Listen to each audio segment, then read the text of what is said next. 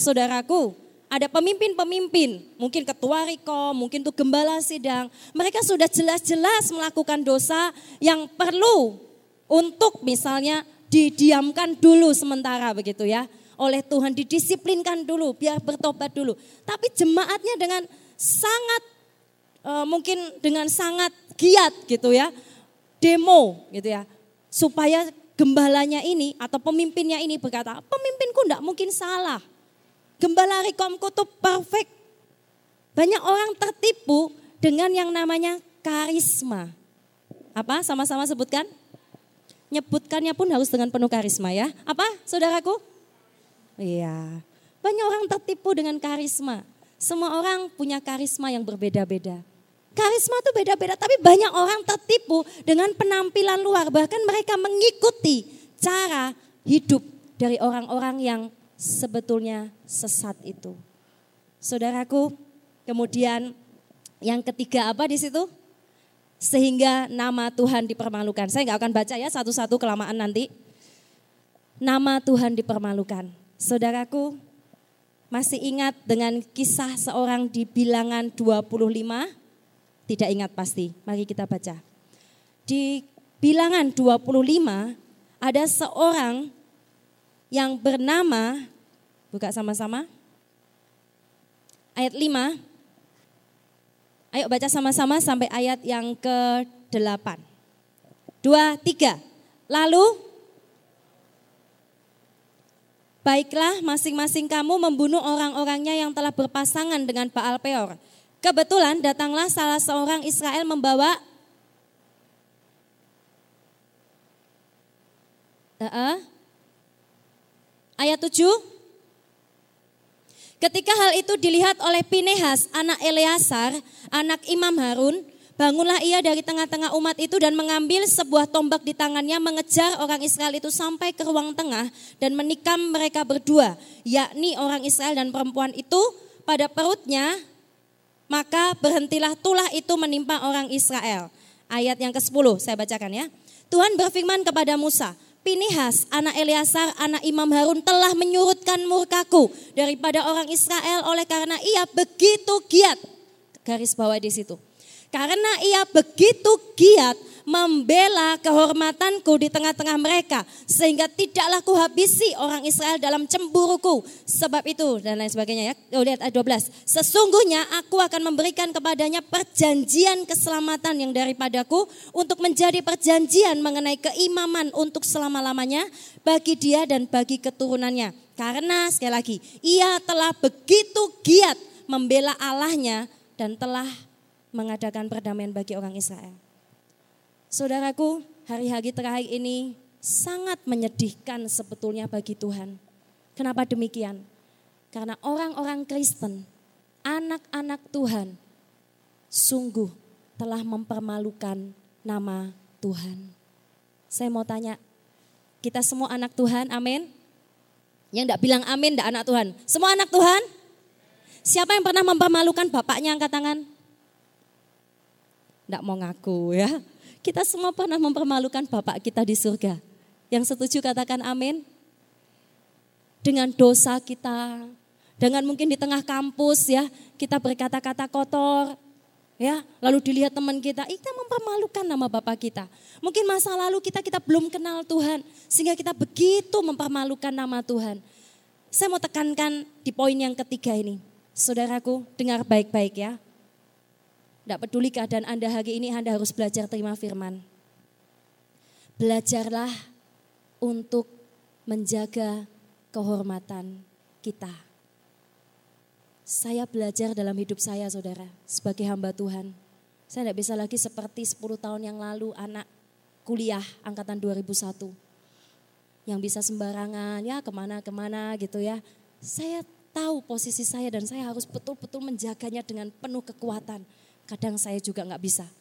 Oleh karena itu belajar calon-calon pembimbing, witness, para semua pelayan, jemaat. Belajar yang pertama apa? Menjaga kehormatanmu sendiri. Saya mau tanya para wanita ketika engkau berpakaian tidak pantas di depan umum di gereja. Apakah engkau menjaga kehormatanmu? Enggak. Para pria, engkau dengan baju sangat ketat menggoda para wanita di gereja. Jangan sampai ya. Baju masa SMP masih dipakai gitu ya. Duh ketatnya minta ampun gitu ya. Itu menggoda. Itu tidak menjaga kehormatan namanya. Contohnya engkau dengan pasanganmu, dengan teman spesialmu.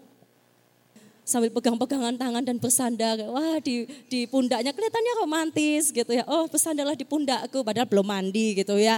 Dan itu tidak menjaga kehormatan namanya. Mungkin di hadapan manusia nggak kelihatan. Kita bisa lakukan di mobil, kita bisa lakukan di mana gitu ya. Kamu capek ya yang bersandarlah di pundakku. Itu alasan para cowok tuh ya mau ngapa-ngapain ya. Cewek-cewek jangan capek di, di sandaran cowok ya bahu Anda harus cukup kuat di dalam Tuhan ya. Jangan sedikit-sedikit, ah cowokku gitu ya. Itu tidak menjaga kehormatan Tuhan ya. Kita harus belajar menjaga kehormatan Tuhan. Yang kedua, kalau Anda sudah belajar menjaga yang namanya kehormatan Tuhan, Anda akan masuk ke tingkatan seperti Pinehas, anak Eleazar, bukan Eleazar, Pinehas.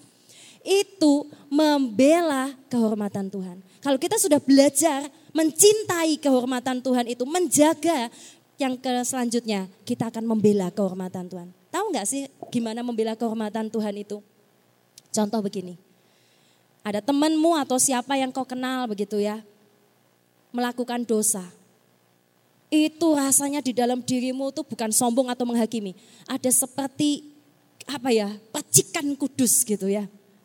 Kalau zaman dulu mungkin kau ambil tombak dan bunuh. Wah itu kalau di Eleazar ya, di mana di Penehas. Kalau sekarang kan nggak boleh gitu ya. Itu dosa, bunuh. Coba, coba kalian jadi pembunuh nomor satu gitu ya. Semuanya pada dosa. Tapi waktu itu dia mengambil tombak, dia bunuh karena itu perintah Tuhan. Dan jelas-jelas tidak boleh berpasangan dengan Baal Peor waktu itu ya. Mereka ada satu pasang cowok cewek dan dia masuk ke situ. Ada satu imam, Pinehas dengan sangat giat. Dia tidak tahan sekali dia bela kehormatan Tuhan. Itu dilihat loh sama Tuhan. Kalau ada anak rekomu buat dosa, gembala-gembala rekom, kau nangisi dia enggak? Kalau engkau enggak menangisi anak-anakmu yang berbuat dosa, engkau kurang membela kehormatan Tuhan. Kalau anak kita buat dosa tuh rasanya sakit, ada pacikan amarah gitu ya. Nanti kan anak saya dulu ngaku sama saya. Cuy, saya habis dosa begini, begini, begini, begini gitu ya. Dan dosanya sudah keterlaluan pol. Kalau dulu anak saya datang dan dosanya aneh-aneh saya cuma senyum. Oh gitu ya. Tak apa-apa ya. Ayo kamu bertobatkan gitu ya. Saya peluk, nangis-nangis ya seperti gitulah. Tapi waktu ini saudaraku dia datang dan cerita macam-macam Ini sudah keterlaluan pol. Di dalam diri saya ada amarah percikan, bukan percikan lagi, sudah kobongan. Dan sudah kobongannya sampai dia masih mau ngalem-ngalem sama saya. Saya bilang, dak duduk. Masih mau ngalem-ngalem, mami, mami. Enggak, kayak gitu-gituan gitu ya. Mami, mami kamu salah, sudah sangat keterlaluan kamu ini gitu ya. Mau tobat gak? Saya marah, sungguh saya marah. Saya nggak bisa seperti ibu yang seperti dulu ya. Iya sini ya tak cup-cup, kamu mau tobat toh. Nggak bisa saya. Itu yang namanya membela kehormatan Tuhan. Walaupun kasusnya beda-beda. Kalian sudah bela kehormatan Tuhan nggak? Kalau sudah menjaga, Anda harus masuk ke tingkat membela. Ada orang-orang yang ikut ajaran sesat. Ketika engkau lihat mereka mau masuk ke dalam neraka, ikut ajaran-ajaran sesat, ikut pemimpin-pemimpin yang sesat. Gimana perasaanmu? Biasa aja? Atau kau ada percikan kudus? Aduh, gimana ya orang itu nek, nek sampai dipimpin ke dalam neraka. Aduh kasihan ini saudaraku. Saudaraku ini belum bertobat. Kalau engkau sampai biasa-biasa, engkau tidak bela kehormatan Tuhan. Jika kau lihat saudaramu, lihat kakakmu, lihat ibumu, lihat papamu sedang di dalam dosa dan engkau ada satu gairah untuk memenangkannya, ada tangisan, ada ada jeritan, ada usaha, itu yang namanya engkau membela kehormatan Tuhan. Mengerti jemaat Tuhan? Lanjut ya, yang selanjutnya nama Tuhan tadi ya dipermalukan. Oleh karena itu saudaraku hati-hati ya, engkau yang sudah mulai diangkat Tuhan, gereja ini satu saat akan diangkat Tuhan dengan hebat.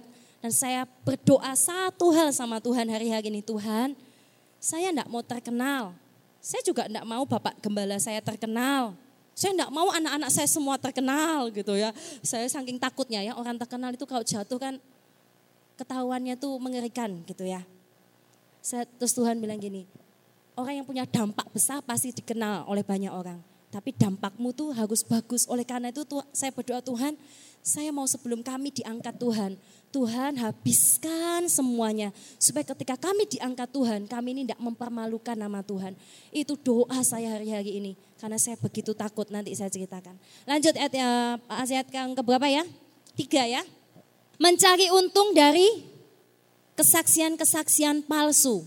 Nah, banyak ya ini terjadi di gereja-gereja mencari keuntungan pribadi dari kesaksian-kesaksian palsu. Saya pernah diangkat Tuhan ke neraka, saya pernah diturunkan Tuhan dari surga ke neraka gitu ya. Terus mungkin oh saya pernah begini, pernah begini, tetapi semuanya itu palsu. Itu hati-hati. Kemudian lanjut aja yang ke-10. Berani, angkuh dan mengikuti hawa nafsu karena ingin mencemarkan diri, lihat ayat yang 10 ya. Ayo kembali lagi di 2 Petrus Ayat yang ke-10. Terutama mereka yang menuruti hawa nafsunya karena men, ingin mencemarkan diri dan menghina pemerintahan Allah. Jadi ciri yang selanjutnya berani. Berani itu belum tentu benar ya. Berani banget. Orang-orang yang hatinya sesat itu berani. Kemudian angkuh, sombong, tidak mau ditundukkan. Merasa diri itu paling benar. Merasa diri itu lebih rohani. Saya mau kasih tahu adik-adikku, teman saudaraku, Bapak Ibu, umur rohani tidak ditentukan dari usia Anda.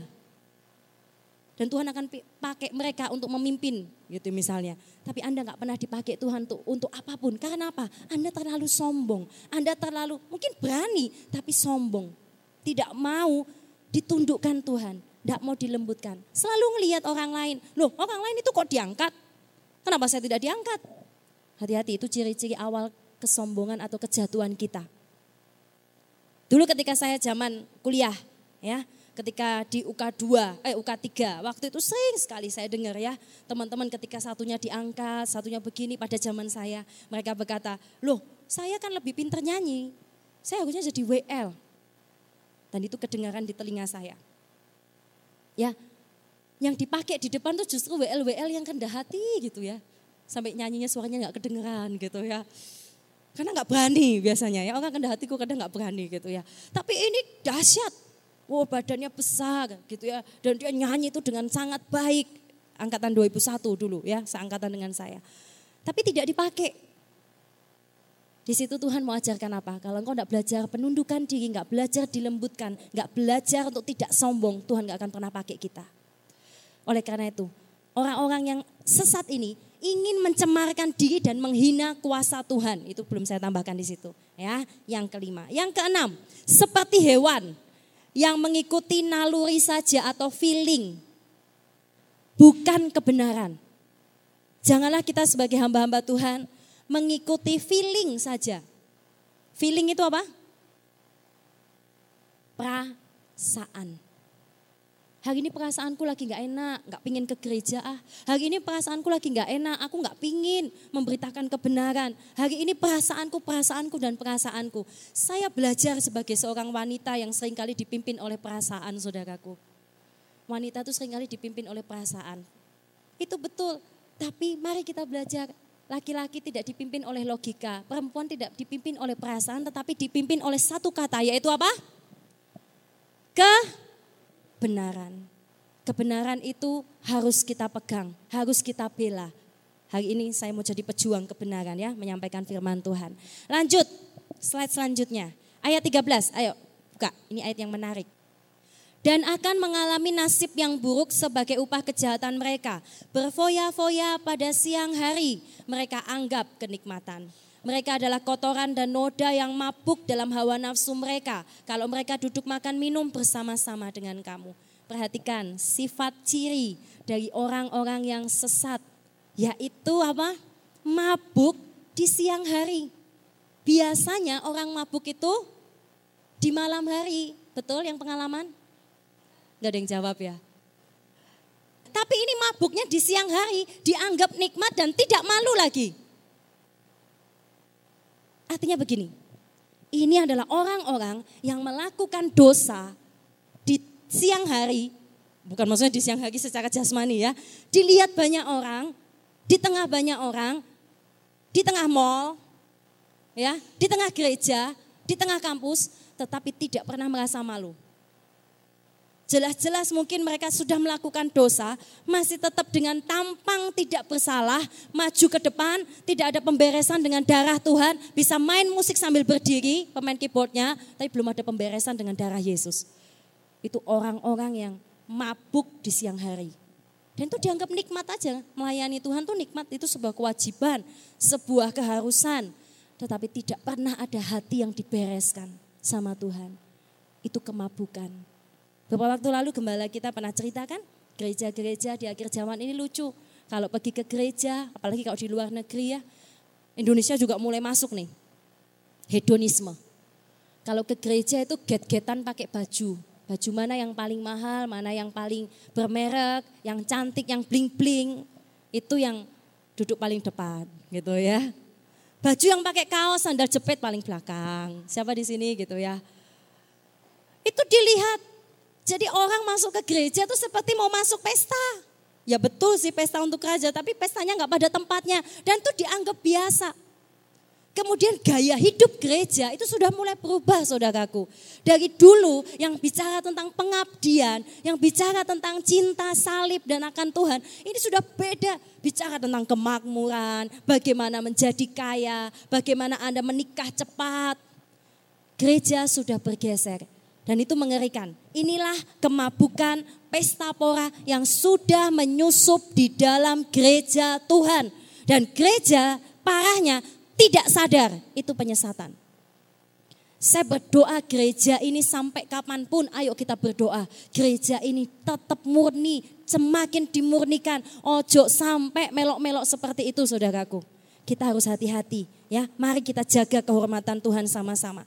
Ini sungguh tidak uh, tidak pantas ya, tidak malu bahkan. Ayat yang ke-14.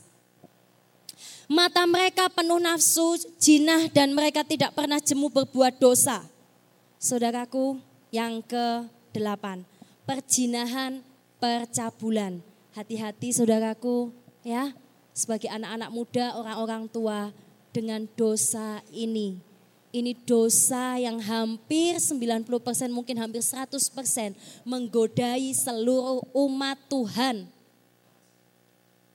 Kita semua punya hormon, kita semua punya keingintahunan dan sifat naluri dosa. Kita harus hati-hati dengan yang namanya dosa ini. Setuju katakan amin? Amin ya.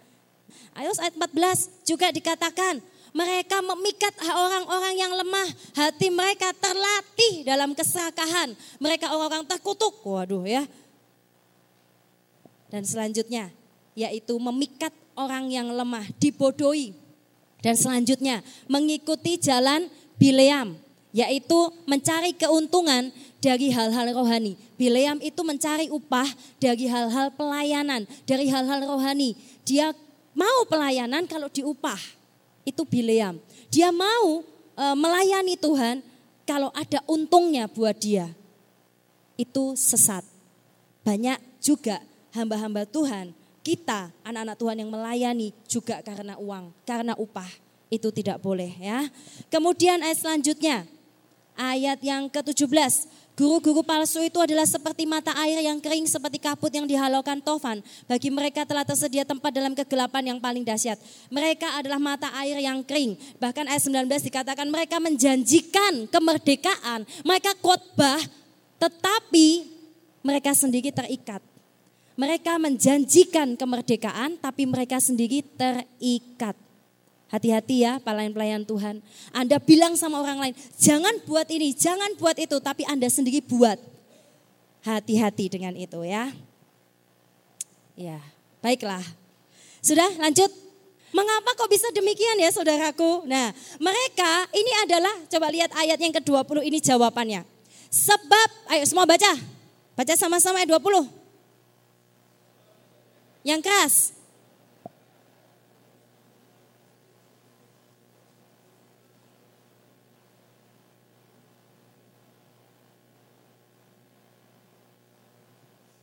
Iya, selesai.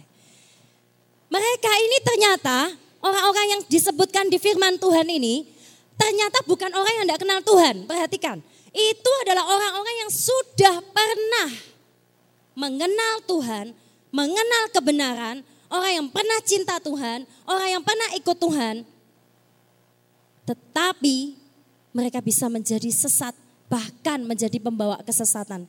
Kenapa jawabannya? Jawabannya ada di gambar sebelah saya. Yesus yang mana yang Anda kenal? Yesus superstar atau Yesus yang disalibkan? Ini menentukan apakah orang-orang ini, saudaraku, kenapa bisa sesat? Mungkin mereka dulu pernah kenal Yesus yang benar, tetapi hidup mereka tidak pernah dibereskan 100% oleh Tuhan. Tidak mau dibongkar. Sehingga borok-borok mereka, noda-noda mereka masih tetap melekat dan itu dijadikan kebenaran mereka sendiri. Itu bahaya sekali. Banyak orang ya yang tahu awalnya jalan kebenaran tetapi tidak ada pemberesan total dan juga mungkin diangkat terlalu cepat itu juga sangat bahaya. Oleh karena itu jangan kecil hati engkau yang tidak diangkat Tuhan, belum diangkat Tuhan.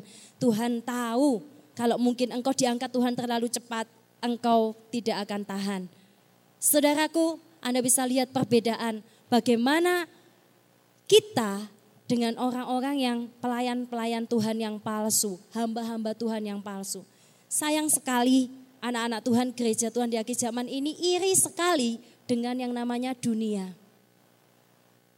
Kalau kita lihat teman-teman kita habis kuliah, ya sukses di dunia kerja, kemudian menjadi sangat modis, cantik gitu ya, dapat pacar cepat lagi di dunia kerja, dapat pacar mungkin anak bosnya gitu ya, gajinya cepat naik gitu ya, terus kemudian cepat merit, cepat punya anak gitu ya. Gimana perasaan kalian? Ngelihatnya tuh gimana? Itu teman baikmu dulu. Biasa aja gitu ya. Mungkin kita tanpa kita sadari, kita iri dengan dunia ini saudaraku. Kita iri. Eh itu pelayan Tuhan di gereja A, B, C, setiap kali WL itu 50 ribu loh. Itu WL 4 kali aja sudah 800, sudah seperti kerja part time, itu hanya minggu aja. Udah ada satu jam lagi nyanyinya. Main gitar, 50 ribu. Kalau ada doa pagi, doa malam, doa sore gitu ya. Kemudian besoknya ada doa lagi gitu ya. Berapa kali gitu ya. Nah, saudara apa yang beda? Kita mungkin bahkan bisa iri dengan yang di sebelah kanan itu. Orang-orang yang pakai topeng, orang-orang yang superstar, orang-orang yang korupsi. Kita bisa iri dengan mereka. Itu anehnya anak Tuhan. Saya rindu. Saya pernah iri dengan dunia, saya ngaku bisa kepingin seperti yang lain. Aduh itu enak ya, Ih, itu itu begini, itu kok bisa ya. Saya ketemu teman saya waktu dia selesai kuliah, katanya sih cinta Tuhan, tapi ketemu saya di PTC dengan seorang cowok gitu ya, habis pulang kerja, jalan-jalan. Kok satu kehidupan saya kehidupan yang apa ya, enak gitu ya. Sedangkan saya waktu itu ngelesi naik sepeda motor butut ya, enggak punya uang. Saya nelongso, Tuhan kok gitu ya, enak yo jalan hidup orang kayak gitu ya. Kok saya harus kerjain visi Tuhan ya? Kok saya harus ngelesi ya? Waktu itu ya sebelum sebelum gereja ini jadi. Kok enak ya orang itu seperti pernah enggak ngaku dosa dalam hati? Kalau Anda pernah mengingini orang-orang lain seperti itu. Tapi hari ini katakan sama-sama sama saya. Saya mau dunia yang iri kepada saya. Ayo katakan sama-sama. Yang lantang. Lagi. Dan saya tidak akan iri dengan dunia. Ayo tanamkan di hati kita. Mulai hari ini belajar. Jangan iri dengan dunia, tapi buat dunia iri dengan Anda. Bisa? Berdoalah, itu bisa. Dunia akan lihat anak Tuhan itu bersinar dan mereka akan iri. Kok bisa ya seperti itu? Kok bisa ya? Aku kawin cepat tapi tidak bahagia gitu ya. Aku punya uang, punya anak lima sepuluh tapi kok tidak bahagia gitu ya. Buat mereka iri sama kita. Mereka mungkin bisa jadi penari yang dahsyat, meliuk-liuknya tuh seperti ular begitu ya. Tapi ketika mereka lihat penari-penari di tempat ini mereka iri, kok ada hadir kata ada seorang yang namanya Shakespeare. Shakespeare ini setiap kali pertunjukan, di akhir pertunjukannya dia selalu membacakan, bukan membacakan, menceritakan Mazmur 23 dengan gaya senimannya gitu ya. Tuhan adalah gembalaku, seperti membaca puisi kan? Ia tak akan membagi, eh dia akan membaringkan, iya apa? Ia akan membaringkan aku gitu ya. Terus ada suara air kecil kecil kecil kecil gitu ya. Setelah selesai, wih semua orang tepuk tangan bangkit berdiri saudara. Wih hebat ini Shakespeare ini memang benar-benar seniman sejati gitu ya, seniman sejati. Satu saat di akhir pertunjukannya, seperti biasa dia mau baca kan, sudah selesai dia mau baca. Ada seorang anak muda, mungkin Yosef itu ya, kalau waktu zaman dulu ya, dia bangkit berdiri dan berkata, Bapak gitu ya, seperti gayanya Yosef, Bolehkah saya menggantikan Bapak malam hari ini saja untuk membacakan Mazmur 23? Si seniman ini tertegun, tidak pernah ada permintaan seperti ini gitu ya. Apa dia ini mau terkenal kok, kok mau-maunya maju ke depan. Ya sudah, sudah, maju, silahkan. Anak muda maju. Setelah dia maju ke depan, dia mulai membaca. Bukan membaca ya, apa namanya? Mengucapkan. Tuhan adalah gembalaku, takkan kekurangan aku gitu ya. Oh iya membaringkan aku, dia mau gini begini sampai selesai. Tidak ada suara pun dan tidak ada tepuk tangan. Tidak ada tepuk tangan, hening semuanya. Lalu ketika dia selesai, apa yang terjadi? Semua orang di luar di ruangan itu nangis. Oh, terisak-isak gitu ya. Kaget sekali Shakespeare-nya. Lalu dia berkata, sini anak muda, rahasiamu apa? Selama saya pertunjukan selama ini, saya tidak pernah buat orang sampai nyentuh orang sampai segitu. Lalu dia bilang begini, Bapak, Bapak mengenal Mazmur 23-nya. Saya mengenal gembalanya. Itu beda loh.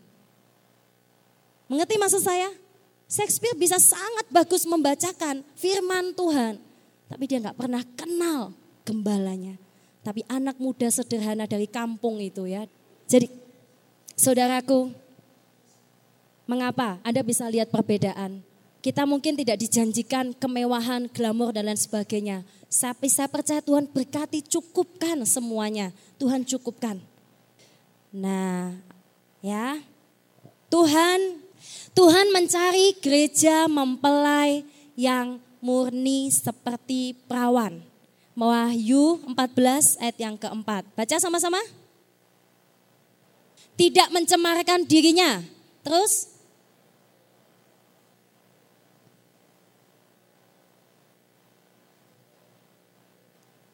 Perhatikan apa yang garis saya garis bawahi. Inilah gereja yang sedang dinanti-nantikan oleh Tuhan. Dan hati saya menjerit sama Tuhan, Tuhan gereja kami, saya, saya begitu rindu. Kita diangkat menjadi mempelai Kristus. Gereja mempelai yang sungguh murni. Itu apa? Gereja yang tidak mencemarkan dirinya Saudaraku, hati-hati ya dengan pencemaran dunia ini. Hati-hati. Kemudian murni sama seperti perawan dan mengikuti Allah anak domba ya ke mana pun dia pergi. Itulah kemurnian. Kalau saya bicara tentang kemurnian, dalam pikiran Anda apa sih kemurnian itu? Kemurnian hanya ada satu unsur, nah itu kimia, dia kan orang kimia ya. Ha ya ha, oh ya oh gitu ya. CL ya CL gitu ya. Yang lain, kemurnian itu bicara tentang keaslian. Kalian ini asli, suci, bersih, ketulusan, kesederhanaan. Itulah yang dinamakan kemurnian. Lanjut Max. Saudaraku, pada waktu itu eh, perjanjian lama seluruh perabotan rumah Tuhan itu dilapisi atau bahkan dibuat dari emas yang murni. Tahu ceritanya enggak di dalam firman Tuhan? setidaknya ada empat raja atau lima raja yang saya catat di Alkitab. Di kitab raja-raja setelah Salomo buat semegah mungkin, mereka mengambil emas, bahkan mengerat emas dari rumah Tuhan yang ada emasnya itu untuk diberikan ke raja-raja. Lima raja itu adalah yang pertama Asa, dia menyerahkan ke Raja Aram, benda-benda emas dari rumah Tuhan, Ahas menyerahkan ke Asyur, Yoas menyerahkan ke Raja Aram, dan di Hiskia dan Yoyakin karena semua mungkin sudah habis, mereka mengerat. Di akhir-akhir yang dua raja-raja itu, raja-raja yang terakhir itu, mereka pada mengerat. Mungkin sudah pada habis emasnya. Jadi daun-daun pintu pokoknya semua yang ada emasnya itu dikletei. Saking ketemenannya ya. Dan ini mengerikan sekali. Tuhan sangat menghargai yang namanya kemurnian. Dan ketika kita tidak menjaga lagi yang namanya kemurnian, tidak ada perkenanan Tuhan. Ada di situ namanya patam, ya. Lihat imam itu enggak kelihatan ya, di serban kepalanya itu ada yang namanya patam. Patam itu dililit dengan tali ungu ya, dibuat kemudian ada emasnya. Di situ dituliskan di dahinya situ namanya dikhususkan untuk Tuhan atau kudus bagi Tuhan. Dan ketika dia datang ke rumah Tuhan, berhadapan muka dengan muka, dilihat ini adalah meterainya dia, gitu ya, dan dia tidak akan mati. Itu Tuhan berkenan, ada ayatnya itu bicara tentang kemurnian, bicara tentang apa ya, sesuatu emas itu sangat berharga. Bukan karena Tuhan mata duiten, pingin emas yang banyak, bukan. Tapi kemurnian itu sangat Tuhan hargai. Dan juga kalau kalian lihat lampu ya, lampu di rumah Allah itu semuanya juga harus memakai minyak zaitun yang murni. Lanjut Max. Nah, baca saja ayatnya, saya tidak akan membacakan masing-masing ayatnya ya baca sendiri. Eh semua lihat sana, jangan lihat saya. Baca ayatnya. Yeremia 1, 25,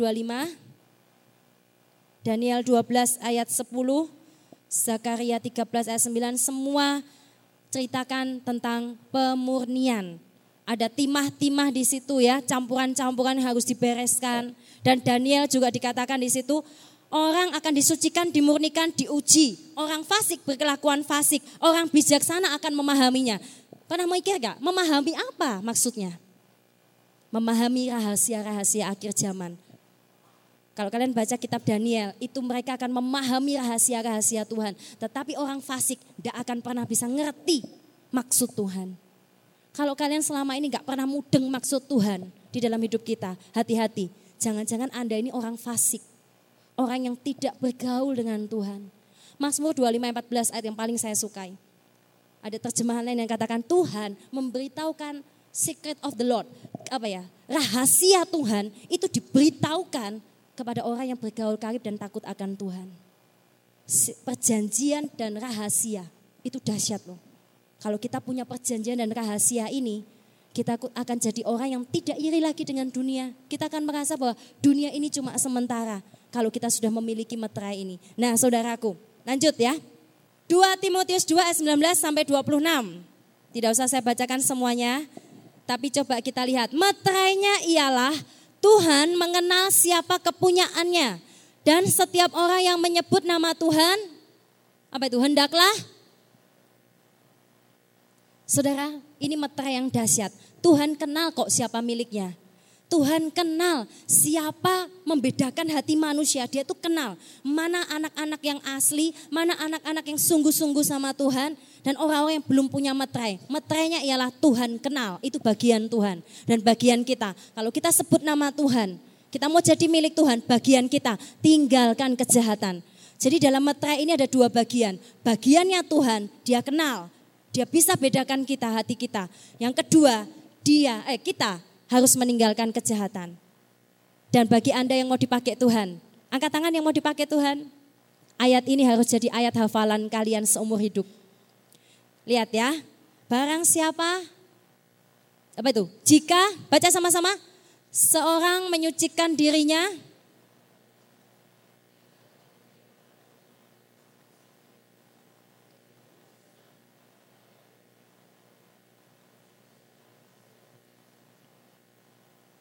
Hafalkan ayat ini baik-baik ya.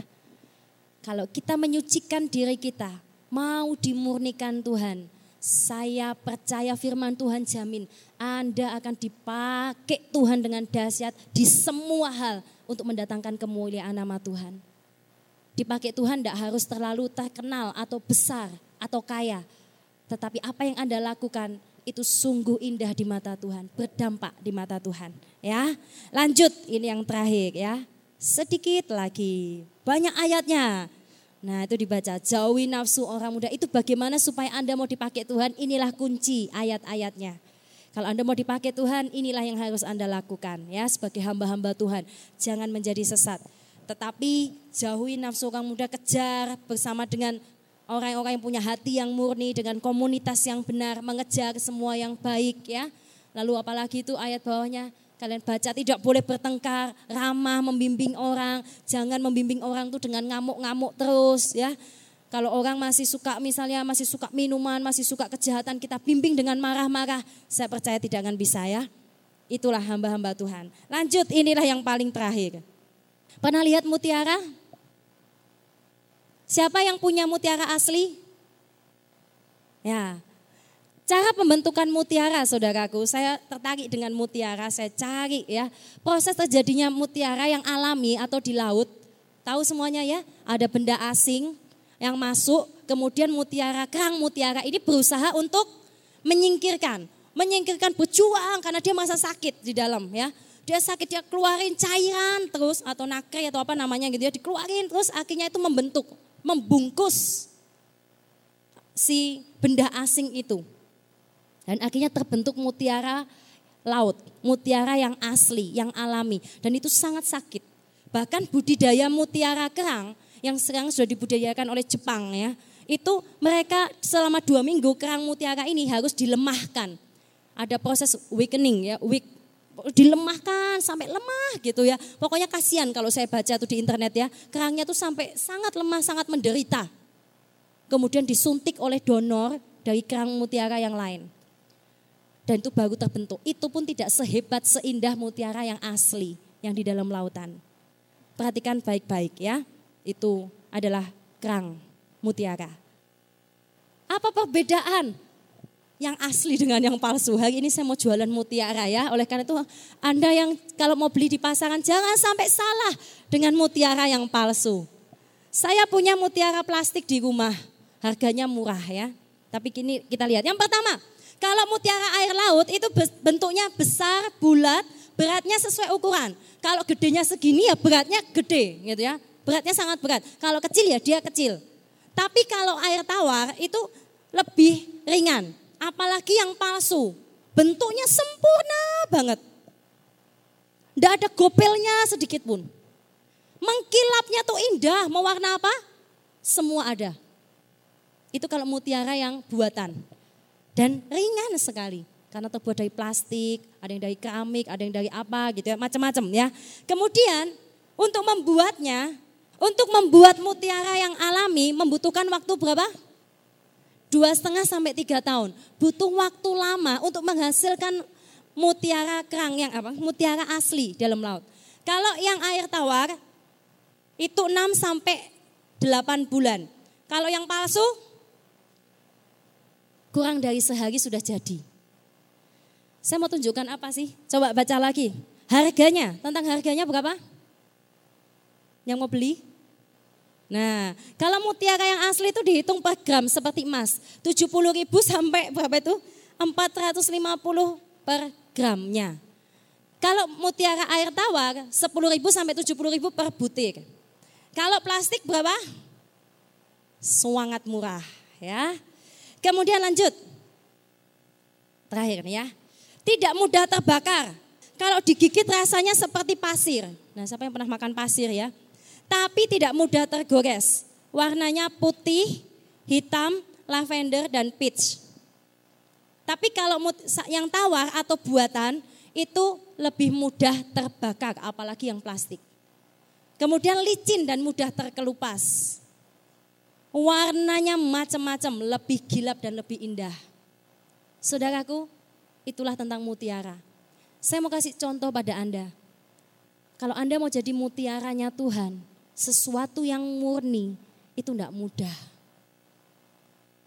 Itu dibutuhkan banyak kesakitan. Sebutkan sama-sama apa? Banyak kesakitan. Kalau Anda nggak mau sakit, jadilah mutiara plastik. Ketika dipakai, sama-sama indahnya. Atau mutiara dari mungkin keramik atau apa, tapi itu bukan mutiara yang dihasilkan dengan alami, dengan asli. Saudaraku, yang terakhir. Dari gambar ini, Anda bisa bedakan mana yang asli, mana yang palsu? Hampir mungkin tidak bisa dibedakan ya.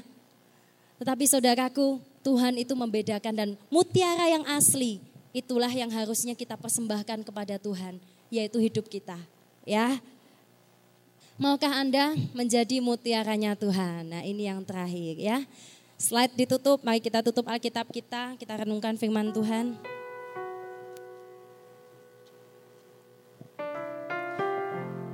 Saudaraku, beberapa waktu ini kita mendengar kabar yang begitu mengerikan tentang keadaan gereja Tuhan di akhir zaman.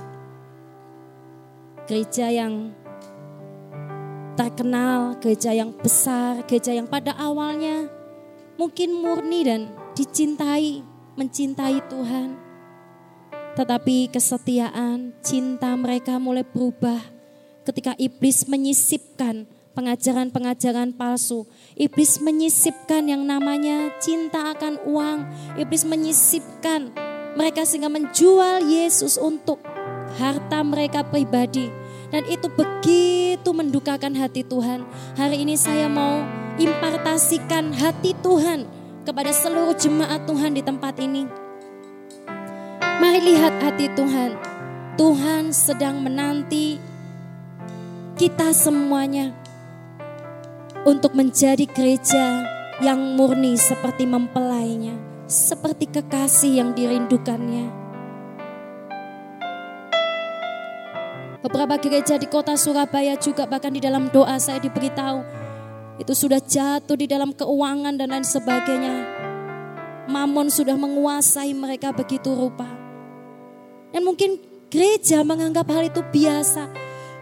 Jemaat Tuhan tertipu dengan yang namanya karisma dari pemimpin-pemimpin.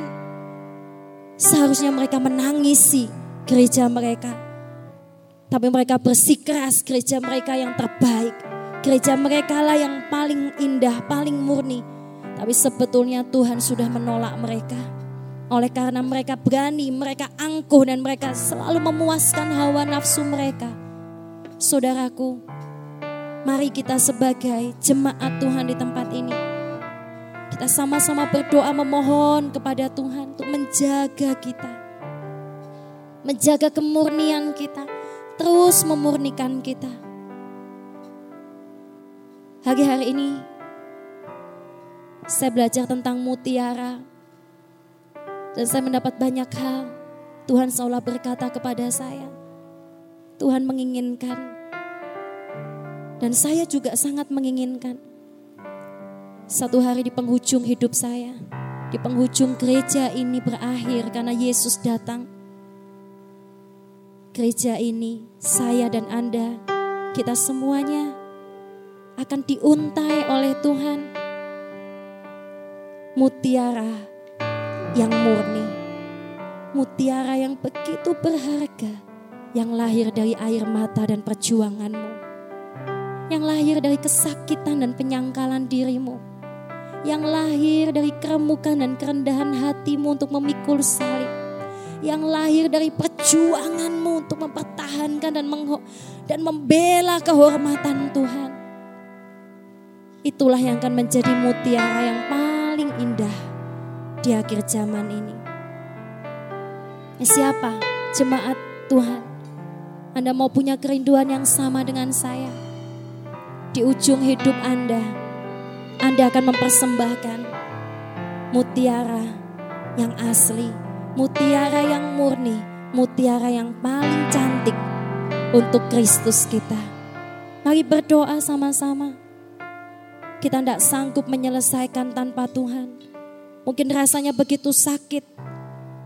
Dikatakan mutiara itu teriritasi terus menerus. Sehingga dia mengeluarkan cairan untuk bertahan hidup. Tapi di situlah mutiara itu terjadi. Saya percaya di dalam diri setiap Anda ada cikal bakal mutiara dan ada emas yang tersembunyi begitu dalam. Mungkin itu tertutup oleh banyak hal. Tertutup oleh kerang yang begitu kotor di dalam lautan. Tertutup di dalam tumpukan lumpur. Tetapi saya percaya setiap Anda punya kemurnian itu. Jagalah. Dan mari kita bangkit bersama-sama untuk dia dengan segala perjuangan kita. Mari sama-sama berdoa. Engkau yang mau menjadi mutiaranya Tuhan. Saya rindu gereja ini mempersembahkan mutiara kepadanya. Mutiara itu bicara tentang kehidupan saya dan kehidupan seluruh jemaat. Oh saya berdoa Tuhan. Saya berdoa, kami berdoa. Jangan biarkan satu pun jatuh, jangan biarkan satu pun tersandung. Jaga kami sampai selesai. Dan kami mau menantikan Engkau memulihkan dan membangkitkan kami semua Tuhan di tempat ini. Kami mengasihi Engkau Yesus. Kau satu-satunya kebahagiaan kami. Kau satu-satunya kesenangan kami. Betapa besar kerinduan kami Tuhan. Untuk kami mengenal Engkau. Betapa besar hasrat kami Tuhan. Untuk menjadi mempelai Kristus. Didik kami Tuhan. Supaya kami menghormati Engkau. Kami membela kehormatanmu. Kami mencintai jalan-jalan kebenaranmu. Di sinilah Tuhan, Kau disambut, Kau dicintai, Engkau diharapkan oleh semua orang di tempat ini. Perkenanlah Engkau hadir, perkenanlah Engkau bertahta, perkenanlah Engkau memimpin kami. Jangan pernah mengangkat kami kalau kami akan mempermalukan namamu. Tapi bawa kami untuk menjadi orang yang terkenal di surga. Orang-orang yang mencintai engkau. Orang-orang yang berdampak untuk dunia ini Tuhan. Mari murnikan seluruh jemaatmu Tuhan. Kami datang di hadapanmu siang ini. Murnikan kami. Murnikan kami. Begitu banyak kesakitan di dalam dunia ini. Begitu banyak ketidakpuasan, begitu banyak masalah Tuhan. Begitu banyak kesusahan-kesusahan badani yang harus kami terima. Tapi kau mengenal kerinduan roh kami. Roh kami menjerit kepadamu dan berkata betapa rindunya kami akan kedatanganmu. Betapa rindunya kami Tuhan untuk kembali kepada engkau. Jaga kami roh kudus selama gerejamu ada di muka bumi ini. Bangkitkan gereja-gerejamu. Murnikan dan pulihkan hamba-hambamu. Murnikan dan bangkitkan gereja-gerejamu ya Tuhan. Dan murnikan gereja ini Tuhan. Kami mau serahkan CMC ke dalam tanganmu. Di dalam tangan kasih dan didikanmu. Kaulah yang memiliki kami Tuhan. Kaulah yang memiliki kami. Engkau mengenal kepunyaanmu itulah materai kami. Terima kasih Yesus. Terima kasih Tuhan. Biarkan roh kami Tuhan dapat merasakan rohmu. Jangan biarkan hati kami menjadi keluh. Bakar kami setiap hari dengan api kasihmu. Dan pulihkan kami Tuhan